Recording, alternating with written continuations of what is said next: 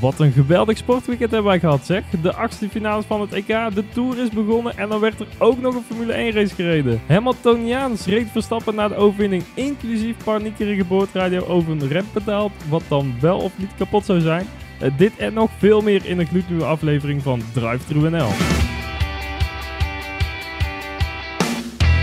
Welkom bij Drive NL, jouw favoriete ochtendsnack waar we elke maandag na een raceweekend gaan kijken wat de Formule 1 ons gebracht heeft. En Niels, wat heeft Formule 1 ons gebracht dit weekend? Een hele saaie race. Ja, nee, ja maar we hadden het tijdens de race al een beetje over. Dat eigenlijk, ja, Oostenrijk, Steiermark, ja. is dan ook niet altijd, zeg maar, hè, het spektakelstuk waar je dan toch een beetje verwacht. Want veel DRS-zones, maar kwamen wij ook al een beetje tot de conclusie van, ja, misschien... Kijk, als je heel eerlijk bent en je kijkt gewoon terug naar de afgelopen jaren, dan was het vaak niet leuk omdat het een normale race was. Het was vaak leuk omdat er wat geks gebeurde. Ja. Um, vorig jaar was de eerste race was verschrikkelijk om naar te kijken. Alleen toen kwam heel dat uh, gearbox verhaal van die Mercedes ineens. Van ja, blijf van de curbs af. Waardoor ze echt mega veel langzamer werden. Dus dat was dan wel spannend of zo. Uh, het jaar daarvoor was het zo warm. En Mercedes, kritiek, alles.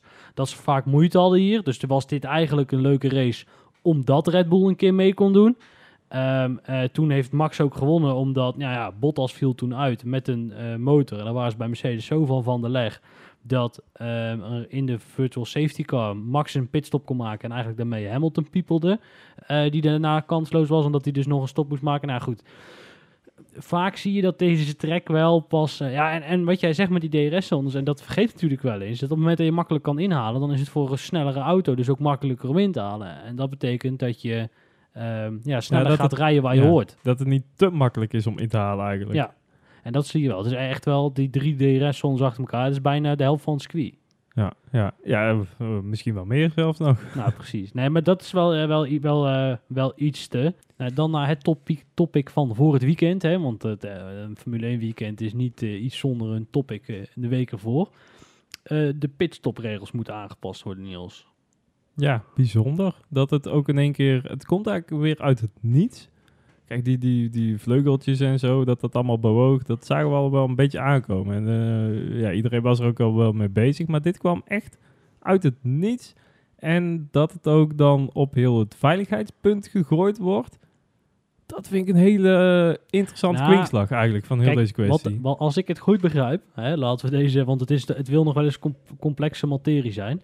Um, dan uh, zeggen ze eigenlijk, die pitstops van onder andere Red Bull, die zijn zo snel, ze um, kunnen niet goed controleren of hun actie die gedaan is, of die ook goed gegaan is. Dus ze anticiperen eigenlijk, um, uh, ja, ze anticiperen eigenlijk dat het goed gegaan is. En daarin zeggen ze dat vinden wij dus niet veilig genoeg. Dat is eigenlijk dezelfde regel als bij een start. Je mag niet anticiperen dat, het, uh, dat nu toevallig het lampje uitgaat, dus ik ga maar zo vast. Ja, een, mens heeft een bepaalde reactiesnelheid en als je die meeneemt in, ja, in de tijd die Red Bull over een pitstop doet, zou het ja, misschien nog wel net mogelijk kunnen zijn, maar ja, dan moet alles wel zo perfect lopen dat het eigenlijk niet meer logisch is. Ja, en eigenlijk zeggen ze dus het kan niet. En um, uh, ja, wat, wat vinden wij daarvan? ik snap de redenatie heel goed. En ik snap ook dat alles veilig moet zijn en zo. Maar dan is dat uh, de taak van de FIA om daar uh, naar te gaan kijken. En, en nu dat dit in één keer op wordt gegooid door Mercedes, vind ik wel een, een hele aparte eigenlijk.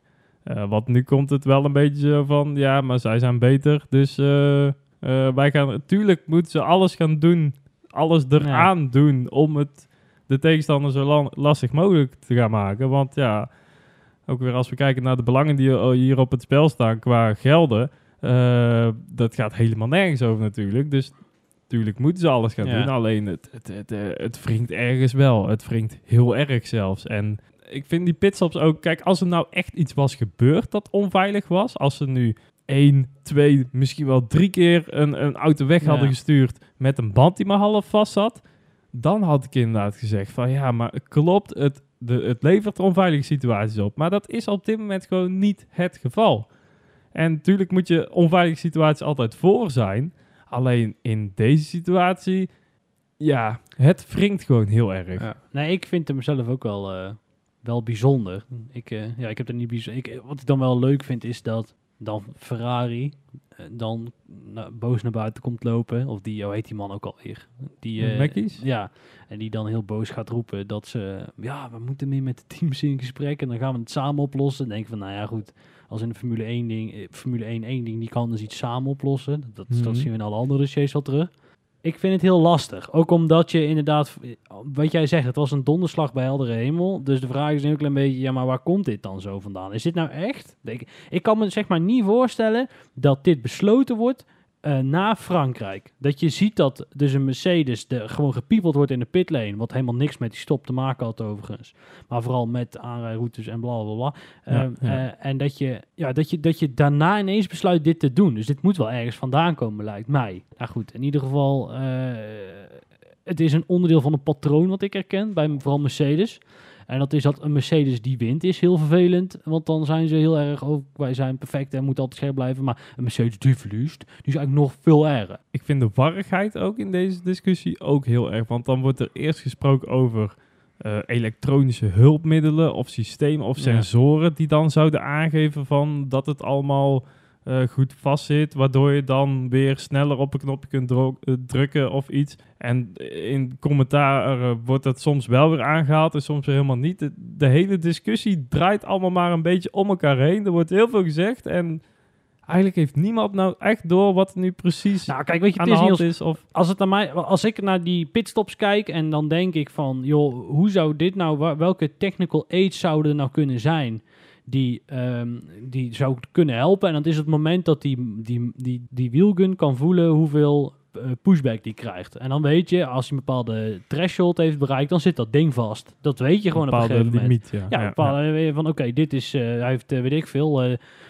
150 newtonmeter heb ik er nou opgeknald, ehm, dan is het goed. Nou ja, goed, en zulke systemen willen ze, willen ze uitbannen. Maar ik vraag me alleen maar af, ja, gaan we dan nou weer de, het kosten- en veiligheidsaspect erbij halen? Want, want het, het is zo duur en het levert zoveel op. Nou ja, ja goed, ik vind het een lastige, een lastige discussie in deze. Ehm, laten we gauw naar de race gaan. Ja. Want wat we in, natuurlijk in het intro al zeiden, Hamiltoniaans rijdt Max Verstappen naar de overwinning. toe. Ja, dan moeten we er altijd wel even bij zeggen dat Verstappen ze zo het liefste vindt, hè? Eigenlijk. Oh ja, oh ja, ja, die ja, rijdt het liefste 20, 40, 60, 80, 100 minuten. Maar ik niet. Ik heb eigenlijk het Oh. eerst dat Verstappen het heel zwaar heeft. Even dat ik hoop dat iedereen het heel zwaar heeft.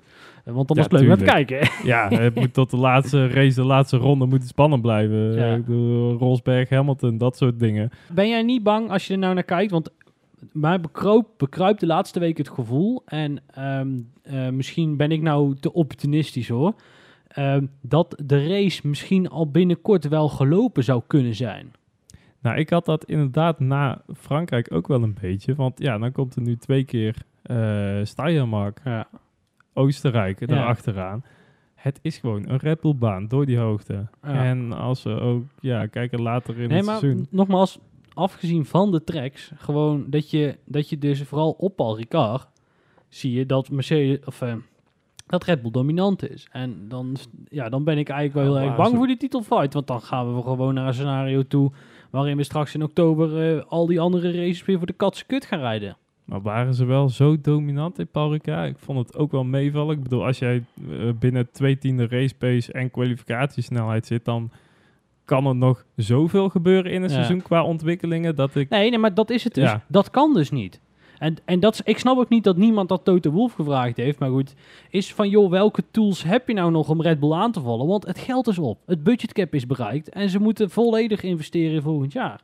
En d- dat is dus dit jaar nog spannender. Omdat er zo weinig aangepast mag worden. Ga jij niet even 3-10 in een race vinden? Echt niet. Dat geloof ik, dat geloof ik bijna niet. En dat betekent dus dat... ehm, eh, dat de verhoudingen zoals ze nu zijn grotendeels zo zullen blijven. Kijk, wat bijvoorbeeld McLaren vorig jaar gedaan heeft, door richting het einde van het seizoen ineens heel veel te ontwikkelen, omdat het moest. Want Hmm. dit jaar mag het niet meer. Gaan we dit jaar niet zien, want dit jaar mag het niet meer. En het is ook nutteloos, want volgend jaar komen de nieuwe auto's aan. En eigenlijk in dat licht ben ik heel erg bang dat we, eh, hoe heet het, dat we straks de wind, de zomerstop ingaan, dat we het eigenlijk wel weten. Maar, wil ik erbij zeggen, ehm 2017 dachten wij eigenlijk hetzelfde. Want toen was Ferrari echt fenomenaal sneller dan Mercedes. En, in, eh, en voor Spa was iedereen bij Mercedes echt bl- bloedje zenuwachtig. En eigenlijk daar is op een gegeven moment de ommekeer pas gekomen. In 2017 was dat. Dus, ehm, eh, maar ja, nogmaals, toen mocht je wel ontwikkelen totdat je er weer neervalt. En dat mag nou niet. Ja, ik, ik kan jouw verhaal heel goed volgen, ook- ook qua de ontwikkelingen. Alleen ik denk dat het grootste gevaar dan ook bij Red Bull zit, dat die, ja, Mercedes gewoon echt een tank is. Die kan maar door blijven gaan. En dat die Red Bull ook vandaag weer met rempedaaltjes en zo, Ja. reliability, is niet het sterkste punt gebleken, eh, historisch gezien. Ehm, dus ik denk dat daar dan nog het grootste gevaar zit. En als je dan twee keer een nul score hebt, eh, want vergeet niet, Hamilton had eigenlijk gewoon 18 of 25 punten mee moeten nemen uit Baku.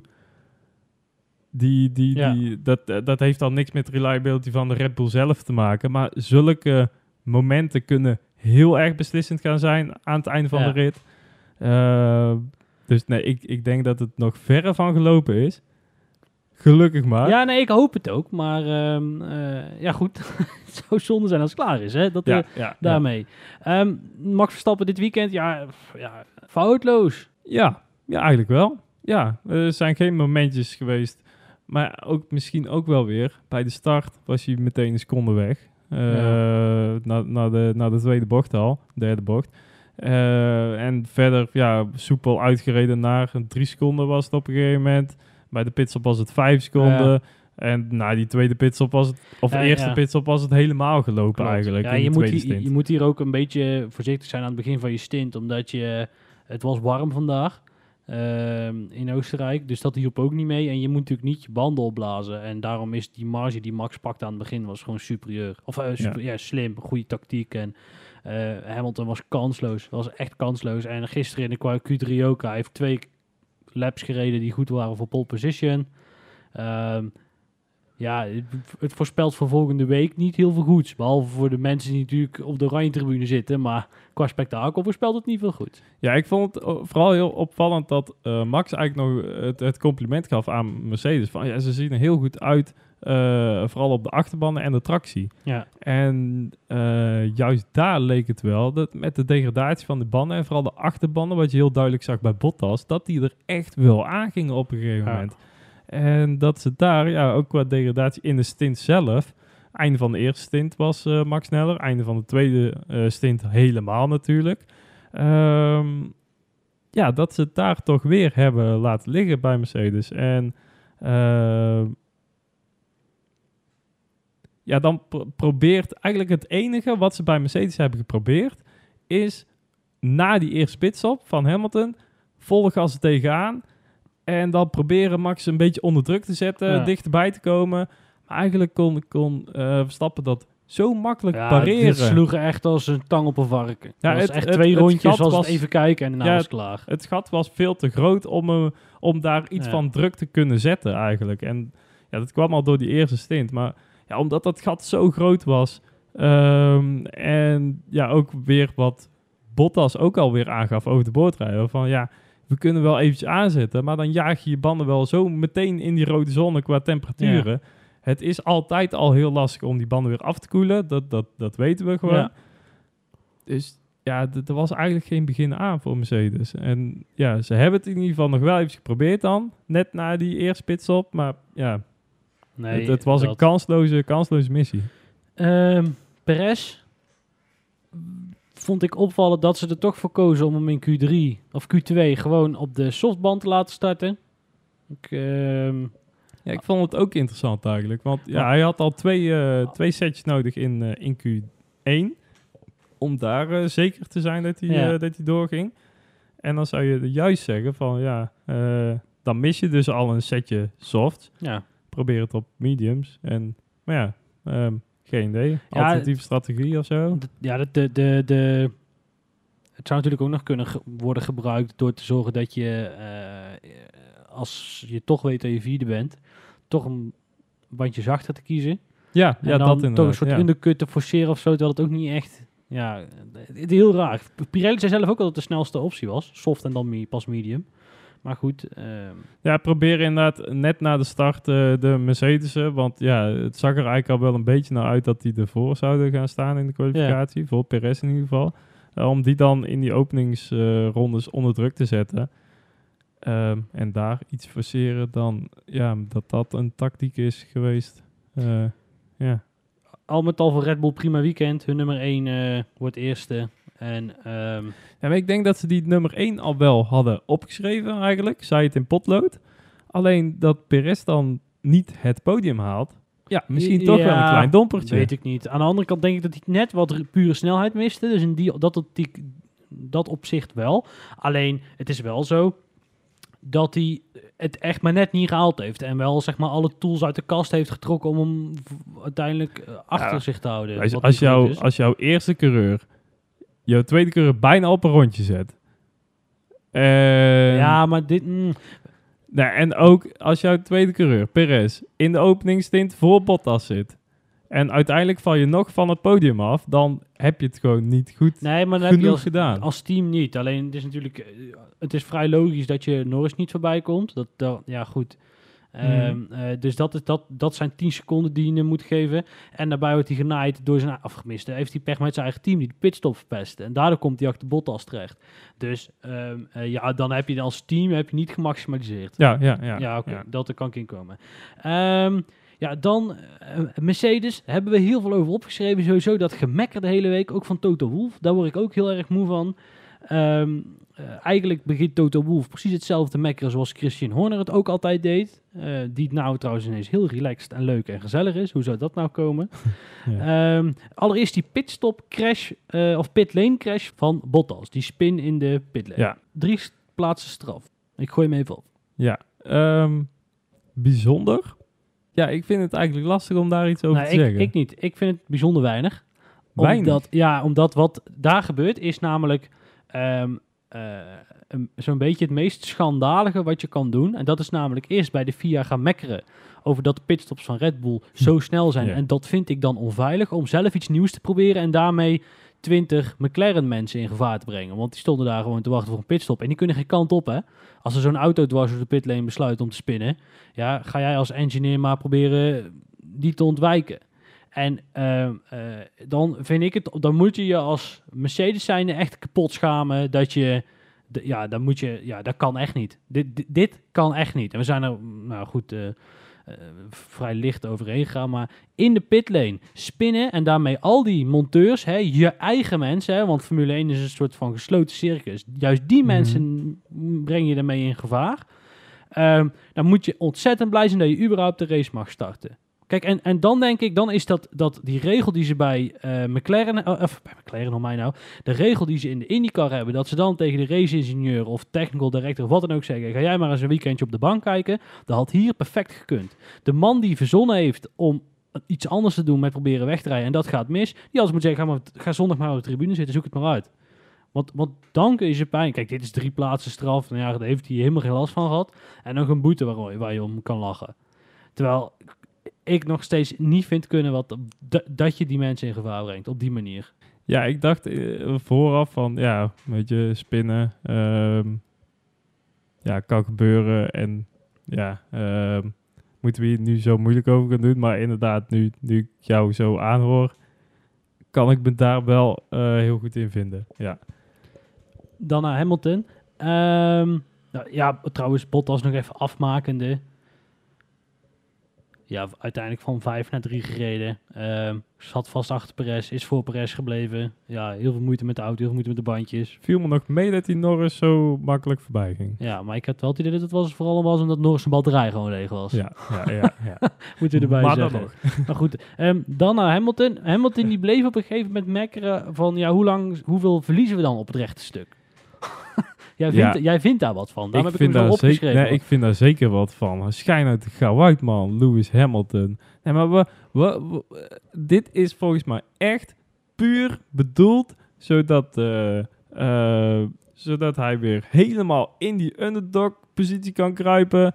Hij heeft het niet gedaan. Hij, hij doet alles fout. Hij spint niet bijna in bocht 4 of zo, dat hij daar het grind half meepakt. Nee, het ligt niet aan meneer Hamilton. Het ligt aan Honda. Die gekke Japanners, die hebben weer een veel te goede motor. En die hebben weer motorstanden gevonden en weet ik veel wat. En wat deze week ook allemaal weer gezegd werd. En ook, kom op, waar, waar, waar is hij allemaal mee bezig? Het, het slaat weer helemaal niks op wat hij allemaal uitkermt over die boordradio. Nee, ja.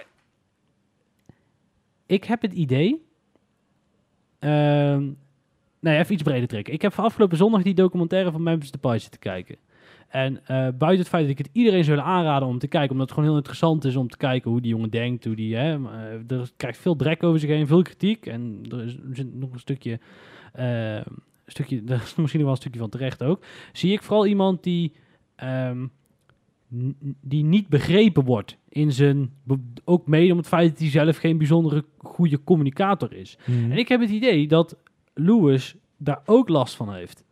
Dat hij dus um, veel ja, in zijn communicatie zo lomp en raar overkomt. Kijk, laten we wel wezen, Formule 1 zijn rare mensen. Want die zijn namelijk vanaf het dat ze twee turven hoog zijn, verteld, jij bent de allerbeste. En zo niet, dan word jij de allerbeste. En iedereen hieromheen, die jou goed kent, die gaat jou daarmee helpen. En iedereen daarbuiten zijn stoute mensen. Foei, weet je wel, dat is echt Ja. het niveau. Nou goed, Ja. en dat groeit door. Dus je krijgt, je ontwikkelt hele rare, eh, sociaal rare mensen ontwikkel je ermee. En dat zie ik bij Lewis ook steeds vaker terug. Ook dat de- gewoon comments dat je denkt van, ja maar, wat wil je nou? Wat bedoel je nou? Wat, eh, wat, vandaag in de race is er ook eens een voorbeeld.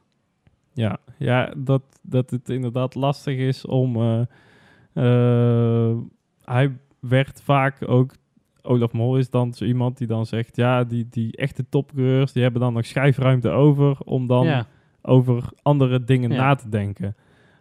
Maar ik denk niet dat dat bij Hamilton een groot voordeel is dat hij die schijfruimte nog over Alleen, weet je wat het is? Kijk, bij een voetballer denk ik dan nog, die is een onderdeel van 11 en die moet vooral zijn eigen trucje doen en die hoeft, de, hè, de echte topjongens, die hoeven niet te communiceren. Hè, eh, een, de Memphis, die doet gewoon wat hij zelf wil en dan de, vormt de rest van het team zich naar. En er hoeft niet zoveel feedback terug te zijn. Dat geldt voor veel, veel nog grote voetballers ook. Alleen bij de Formule 1 is het natuurlijk niet zo. Want je moet als coureur wel kunnen, goed, toch goed kunnen communiceren met je ingenieur van wat voel je, wat denk je, wat wil je, wat... Of je kunt toch niet zeven keer wereldkampioen worden en dan denken, gewoon niet met je coureur kunnen communiceren. We hebben het toch eerder ook al gehad over interesse in de sport, zeg maar. Dat, hij soms uitspraken heeft van waar, waar haal je het vandaan? Dit, dit is toch basiskennis van regels. Ja. Ook eh, het, het, het, het starten eh in Sochi, eh, einde pitstraat, dat hij daar in één keer stil gaat staan. Eh, soms met blauwe vlaggen. Ik denk van, waar, waar, waar haalt hij zijn uitspraken vandaan? En Ja, het- de allermooiste is nog steeds die penalty. Waarom kunnen we die 10 seconden penalty niet gewoon, of 5 seconden niet gewoon pakken aan het eind van de race? Dat is gewoon echt, dat is gewoon echt heel dom. Echt, echt dat je denkt van, ja, je hebt echt geen verstand van. Jij zou zo commentator bij Ziggo mogen worden.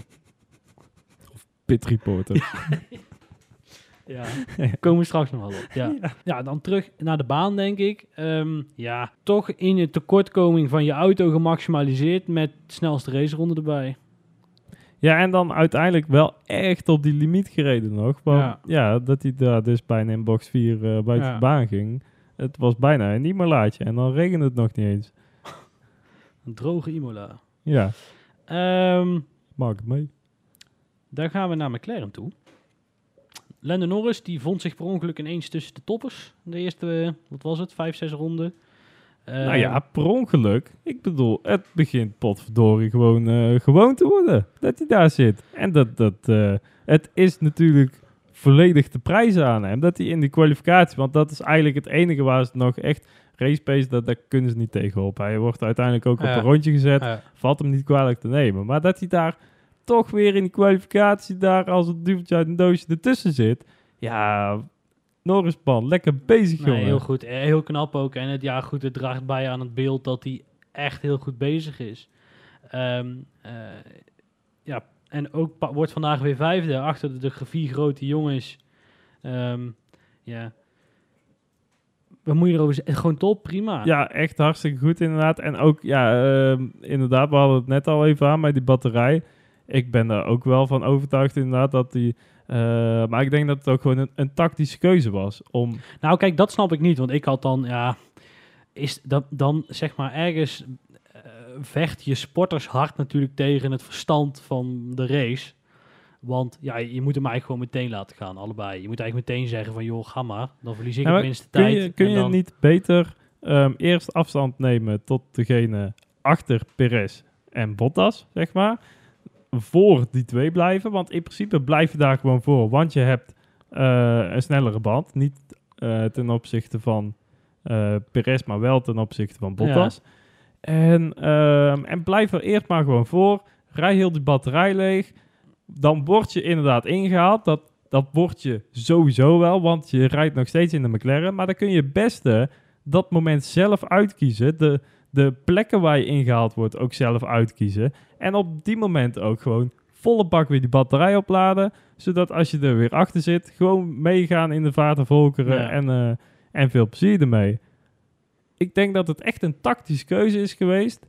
En, eh, en, en geen eh, ja, geslaap of weet ik veel. Of problemen, technische problemen, wat ja, door onze grote vrienden werd geroepen. Dat eraan. Ja, nee, dat klopt. Eh, nee, nee, dat, ik, ik kan hem wel volgen. Alleen, ik vraag me af in hoeverre je dat dan niet eerder zou moeten doen, die beslissing. Want uiteindelijk, als je ze, als je ze achter je kunt houden, kun je ze ook op zekere hoogte volgen, lijkt mij. Eh, maar goed, eh, daar zal een of andere, daar zal een race-ingenieur bij McLaren in ieder geval heel goed over nagedacht hebben. Daniel, die moet heel blij zijn dat hij twee jaar getekend heeft, denk ik. En dat hij überhaupt nog, dat er niet gesproken wordt over Ja, iets van een vervanging of zo. Want het begint nu echt, echt heel triest te worden. Want ik schat McLaren ook nog steeds ja, in waar Norris ze neerzet. Maar dat nu weer Ricciardo... eh, ja, hij heeft even pech gehad ehm, dat hij daar wel even stil viel. Ehm, dat hem daar ook in, Ja, in de klopt. middensector zelfs allemaal mensen voorbij eh, reden. Ehm, ja, het is op dit moment, we zitten net na de race eh, op te nemen. Het is nog niet duidelijk wat er precies aan de hand was. Eh, maar dan nog, ook in de kwalificatie, dat hij daar met de hak over de sloot eerst uit Q1 komt en dan nog niet eens in Q3 terechtkomt. Ja, kom op man. Daniel, we, we dachten vorige week dat je er weer was. en nu is het gewoon weer helemaal weg. ja het even tegen. Ja, Ehm, eh, ja echt, nee. eh, echt bizar. Ja. Nou ja, uiteindelijk starten die gefinished is, buiten de punten, vrij kansloos. Ehm, Ja, echt kansloos, ja. Ja, ja weer niet geholpen door dat moment in die race. Maar ook eh, ja, een Russell die ervoor stond. eh, Leclerc die, eh, met, met al zijn problemen. Ook die... Ja, Leclerc komt er wel weer gewoon voor, zeg maar. Ja, dan gaat ja, het- ja, terwijl je zou inderdaad verwachten dat die McLaren sneller is dan de Ferrari. Nou, verwachten, dat is hij denk ik ook. Nou goed, in ieder geval, ehm, Van Norris het kwalificatiewonder. Gaan naar een ander kwalificatiewonder, alleen dan een iets stiller kwalificatiewonder. En dat is Pierre Gasly bij de Alfa Tauri. Want die zit ook heel de tijd eh, met Norris te vechten om die plek. Eh, een paar, twee weken geleden viel, viel, het er, viel die er even buiten. Maar ook daar zit, in die auto zit die kwalificatiepace zit wel. En had vandaag pech. Ja, ja. ja, ik denk ook mede ingegeven weer eh, op dit circuit dan door ja, die hoogte en dat de Honda-motor Ja. daar relatief beter op, eh, op, op lekkerder op loopt. Ehm, maar ja, het was wel echt heel erg pech dat hij daar ja, door Leclerc was het volgens mij eh, zijn zijn eh, zijn band Ja. open reten en ja, dan zak je terug in bocht 3 en dan komen ze al met 3 dik aanzetten en dan ja, eh, ja echt heel veel pech. ja. ja. Yuki, is hij terug? Nee. Nee? Nee. Ja, ik vind het wel knap dat je na zo'n slecht weekend, waarin je in Q1 eigenlijk al vrij gênant crasht, je gewoon Q3 haalt. Nou, en wel één heel punt binnengehaald uiteindelijk. Ehm, ja, weet ik eigenlijk niet. Hij slu- sluit eigenlijk gewoon aan achter waar hij hoort, zeg maar. En hij is natuurlijk, heeft hij dan Q3 gehaald. Ehm, alleen dan krijgt hij dus die grid penalty. Eh, dus dan staat hij toch weer net achter de boys. Ehm, ja, en dan Yuki- sluit je, sluit je gewoon aan achter de mensen waar je al achter stond. En dat valt niet tegen, lijkt mij. En toch moet die Alfa Tauri gewoon eigenlijk, en zeker op dit circuit, echt niet overal, maar Ja. zeker op dit circuit, voor ehm, die Aston Martin van Les Stroll en voor de Alpine van Alonso eindigen. Ja. En dat lukt hem gewoon niet. En weer niet. En het is toch weer Hmm. dat er iets is ergens in het weekend. Ja, dat het dat hem weer niet eh, naar zijn maximale resultaat had. Hij heeft nog geen enkel weekend gemaximaliseerd. Ja. Alleen ik toch blijft mij de vraag in hoeverre dat iemand, van iemand kan verwachten die zijn achtste Formule 1 race rijdt. Daar, dan in dat licht vind ik het, eh, vind ik het, dat ik denk, nou, dat heeft hij niet slecht gedaan, prima, pr- prima weekend. En laten we dit nog maar een jaartje doen. Maar er gebeurt zoveel rondom de jongen, want Marco heeft er ook weer een mening over. En eh, dan moet hij weer naar Italië verhuizen en weet ik wat allemaal. Ehm, puntje, WK, puntje erbij, prima. Eh, inderdaad, had voor de had voor de Aston Martin mogen staan. Maar goed, daar staat ook de Alpine achter. In hoeverre dat een prestatie is. Ehm, nou, niet bijzonder slecht. Dan naar onze Italiaanse vrienden. Want hoe kun je zo'n slechte kwalificatie rijden? Zeg ik dat goed? Ja, vooral, vooral ja, zo Ja, veel pace ja. tekort komen in de kwalificatie. Maar in de race eigenlijk een prima auto hebben. Dat is echt bijzonder. Ja, en vooral omdat dat volledig het tegenovergestelde is van wat we vorige week hebben gezien. Want Ja. daar zaten we in de kwalificatie Ja. heel goed bij. Ja, En was de race echt een drama. Ja, wat dat betreft heb je natuurlijk liever dit dan ja nee, dat klopt. andersom. Nou, Maar, kijk, het, verhaal van Ferrari zelf was dat die auto heel raar deed op het moment dat DRS open ging. Dat zal wat te maken hebben met aerobalans, weet ik wat allemaal. Want hè, op het moment dat je je flap open doet, dan gaat je point of pressure naar voren. Want dan heb je iets meer druk. De, de, de voorkant blijft de druk hetzelfde, maar de achterkant wordt die minder. Dus schuift naar voren toe. Eh, ergens daar gaat iets mis. En ehm, eh, ja goed, daar heb je natuurlijk in de race veel minder last van. Want dan gaat je DRS veel minder vaak open. dus Ja, maar dacht, alleen wel zo- op dit circuit een half rondje. ja, nee, dat is waar. Maar toch, hè, je, eh, de Ja. kwalificatie is continu. En ehm, ja, Charles was ook overal aan het prikken. In bandjes ook. Ja, vooral... Ja. Oh mijn god, dit niveau. Ja, nee, bandjes bij Gasly, hem ook. Of Gasly. En dan Oh, ja. eh, bij... en dan ook nog bij Raikkonen. Ja, ja, ja, eigenlijk deed hij dat twee keer. Was het eerst ook bij Yuki, die hem eh, aan de buitenkant... Nou, in ieder geval twee keer dat hij, dat hij naar binnen aanremde, eigenlijk schuin aanremde in bocht 4. Ja. Ja. dat, dat gebeurt in principe wel vaker. Dus ik vond het ook een beetje van Raikkonen. Zo Van, ja, hallo. eh, eh. Ik vond het een beetje lastig. Ja, gewoon een race-incident, uiteindelijk. Voor mij dan, in Ja. ieder geval. Ehm, maar Ja. wel dat hij wel gewoon een, een hele strakke inhaalrace heeft gereden. Mede Ja, maar toch door... eens. Maar op dat punt vind ik het wel lomp. Want uiteindelijk gooit hij, niet, z- gooit hij bijna zijn eigen race weg... door iets te van het hier binnen te komen. Terwijl je zo oppermachtig hem voorbij gaat. Ja, je bent zoveel sneller dan Raikkonen, dan is dit vrij lol. Dat je dan toch riskeert om je bandje kunnen zeggen, ja, Raikkonen moet opletten. Maar Leclerc kan ook iets meer ruimte laten, omdat hij het hoeft daar niet op de limiet, ten opzichte van Kimi. Ja, of, of ja, andersom draaien. Eh Raikkonen was al verslagen en die vergooit ook nog bijna zijn eigen race Nee, door dat klopt, voorvleugel. dat eh. klopt, maar daar heeft Leclerc niks aan. Behalve dat, dat hij zijn eigen bal naar de klote rijdt. Ja. Daar gaat het. Dus, Ja. Maar Ja, no- nogmaals, heel ik ben wel benieuwd welke... Hij heeft zich op de A2 gewaand, denk ik. Want hij kon blijven inhalen en blijven inhalen. Ehm, maar waar was hij geëindigd als hij die, die, penalty, die pitstop niet had hoeven maken? Dan had hij serieus nog eens onder druk kunnen zetten. Ja, dat wel. En in principe horen ze het daar ook wel, want die twee zijn gewoon heel goed in gevecht. En ja, Norris moet daar in zijn eentje de kar trekken voor, eh, voor McLaren. En nu begint Sainz ook nog eens punten te scoren. Overigens, Sainz, ja, eh, mm, als Leclerc zo vroeg alle pits op moet maken, zoveel man voorbij moet Ja. gaan. En dan uiteindelijk is het gat nog overbrugbaar, zeg maar, tussen die twee.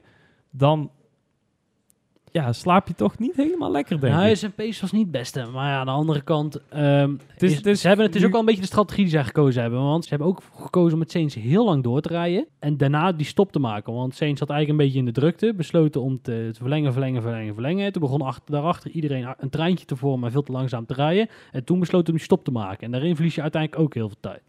Eh, en dan ja, lijkt het mij dat je even naar de p- finish position kijkt. En denk ik, nou, P6, P7, ik denk dat dat best wel netjes is. Ja. Alpine. Ja, ehm Ocon viel mij toch wel heel erg tegen. En dat begon eigenlijk al in de kwalificatie. Een P17, kom op man, waar hebben we het over? Ja. Zeker in die Alpine.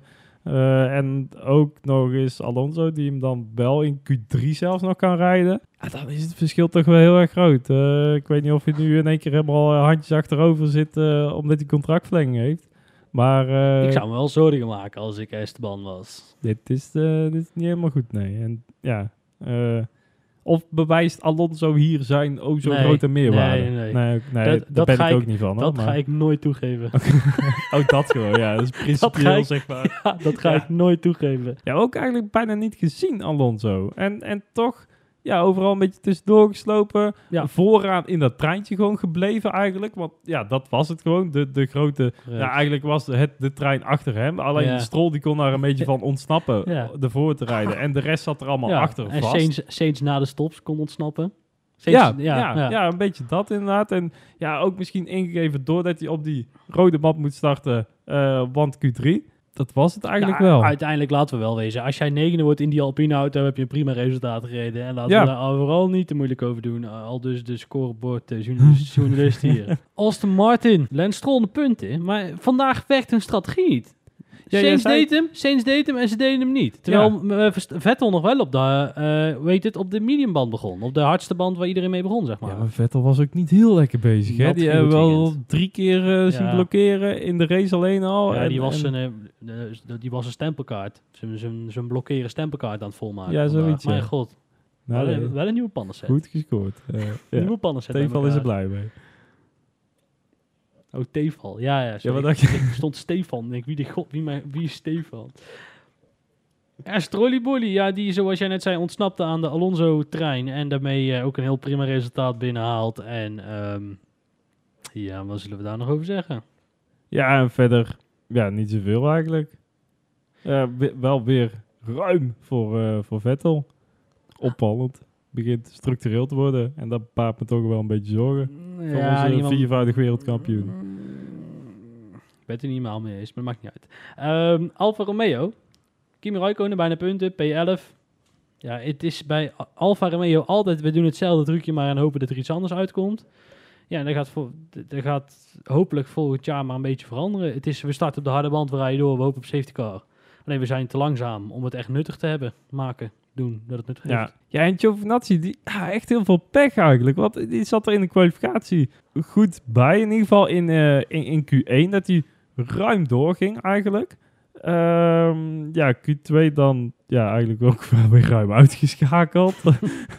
maar ja, eh, beginfase, ja, pech ook daar. Dat hij wordt aangetikt. En ja, dat was eigenlijk meteen zijn race ook. Niet, niet meer van teruggekomen. Ik heb niet zoveel met Giovinazzi, daar blijf ik bij. Ik vind dat iemand anders de kans moet krijgen. En ook vandaar, ja, je kunt het pech noemen. Het is ook, ja, het is ook, het is een beetje dat vingerspitsengevoel. Het is een beetje dat, het is alweer zijn derde jaar in de Formule 1 en het, het is... Het is jouw haat tegen Giovinazzi. ja, door. maar het is eigenlijk een beetje mijn irritatie tegen Sauber. Eh, want dat is het eigenlijk nog, alleen het heeft een ander naampje. Is, maar het is zo kleurloos. Kijk je, kijk, je kunt van Haas zeggen wat je wil, maar er gebeurt in ieder geval iets. En bij Mhm. Alfa Romeo is het, ja, het is allemaal zo weer hetzelfde. En die Fred Vasseur, en de, dat is een hele aardige man, maar ook weer een beetje saai. Doet ook geen gekke dingen. En dat is leuk. En ik hoop dat de business case een beetje klopt, want dan verdient iemand er ook nog een heel klein beetje geld aan. In ieder geval verliest hij niet te veel, maar ik, ja goed, laat nou, de, ik hoop dat volgend jaar dat ze iets meer, hè, brengen in Formule 1. Of in Ja. hoeverre dat woord dat bestaat. Dan naar eh, Haas. Ja, onze neprussen. Rusland trouwens, Squee. Alles beter Ja. dan Sochi. Ja, nou dat is dit ook. Volgens mij is het een best degelijk circuit. Ja, ik heb er wel wat layouts van gezien. Ik weet niet in hoever ze kloppen, want het is allemaal nog heel... eh, Nee, nee, DTM die zou er eigenlijk afgelopen jaar gaan rijden. Eh, dat is niet doorgegaan, want corona. Maar ehm, eh, volgend jaar, eh, dit jaar gaat DTM volgens mij gewoon door. En voor 2023 gaat Formule 1 daar naartoe. ja, alles beter dan uh, maar waarom ze nog een jaar wachten is maar een, een groot raadsel. Ja, Nou idee. En ze Eh, wachten tot het Bottas zijn contract bij Mercedes is afgelopen. Ik vond het vooral heel leuk dat Schumacher ook weer zei na de kwalificatie, waarin hij dan ah, net niet in Q2 gekomen, zeg maar. En morgen gaan we weer kijken of dat we mee kunnen doen. Ja, het is zo treurig. Ja nou laten, laten we niet vergeten waarvoor Maar je zit, dus om te leren. Kijk, dat we op een gegeven moment ook zeiden van, oeh, jezus, beide Williamsen rijden achter de haas. Dat is treurig. ja, ja, klopt. Nee, maar even iets anders. Kijk, Haas vooral, kijk, Mazepin zit er alleen maar om de papje geld heeft. Laten we daar heel snel over stoppen, dat weten. Maar Schumacher zit er echt om te leren. En dat, kan, dat klinkt misschien heel kinderachtig. Maar die jongen die heeft dus gewoon nog niet tegen zijn ingenieur durven vertellen dat hij niet zo lekker zit. En dat moet hij dan dus vertellen tegen zijn vertrouwenspersoon. Dat dan dit Vettel is. En dan Vettel die heeft het daar over met mama Schumacher en mama Schumacher met Gunther Steiner. Dat is toch... Ja, dat is een stukje volwassenheid dat hij moet leren. Ja, ja En die, ballen en- die hij op ja, tafel moet leggen. En daarvoor doe je het. Dit jaar. Heel veel leren, heel veel... In, in, kijk, je komt in best wel stressvolle situaties. Daar in, in, eh, in Monza was voor eh, Mick best wel. Hè, dat hij de spinde ineens op een heel raar moment. Ingenieur erbij, rustig, terug naar de procedures. Du- Het is, het is echt groeien. Het ja, is- Imola. Ja, of Imo- wat zei ja, ik? Monza. Oh, sorry, Imola. Nee, het is, echt, het is echt groeien. Ehm, en laten we dat vooral bij Schumacher niet vergeten.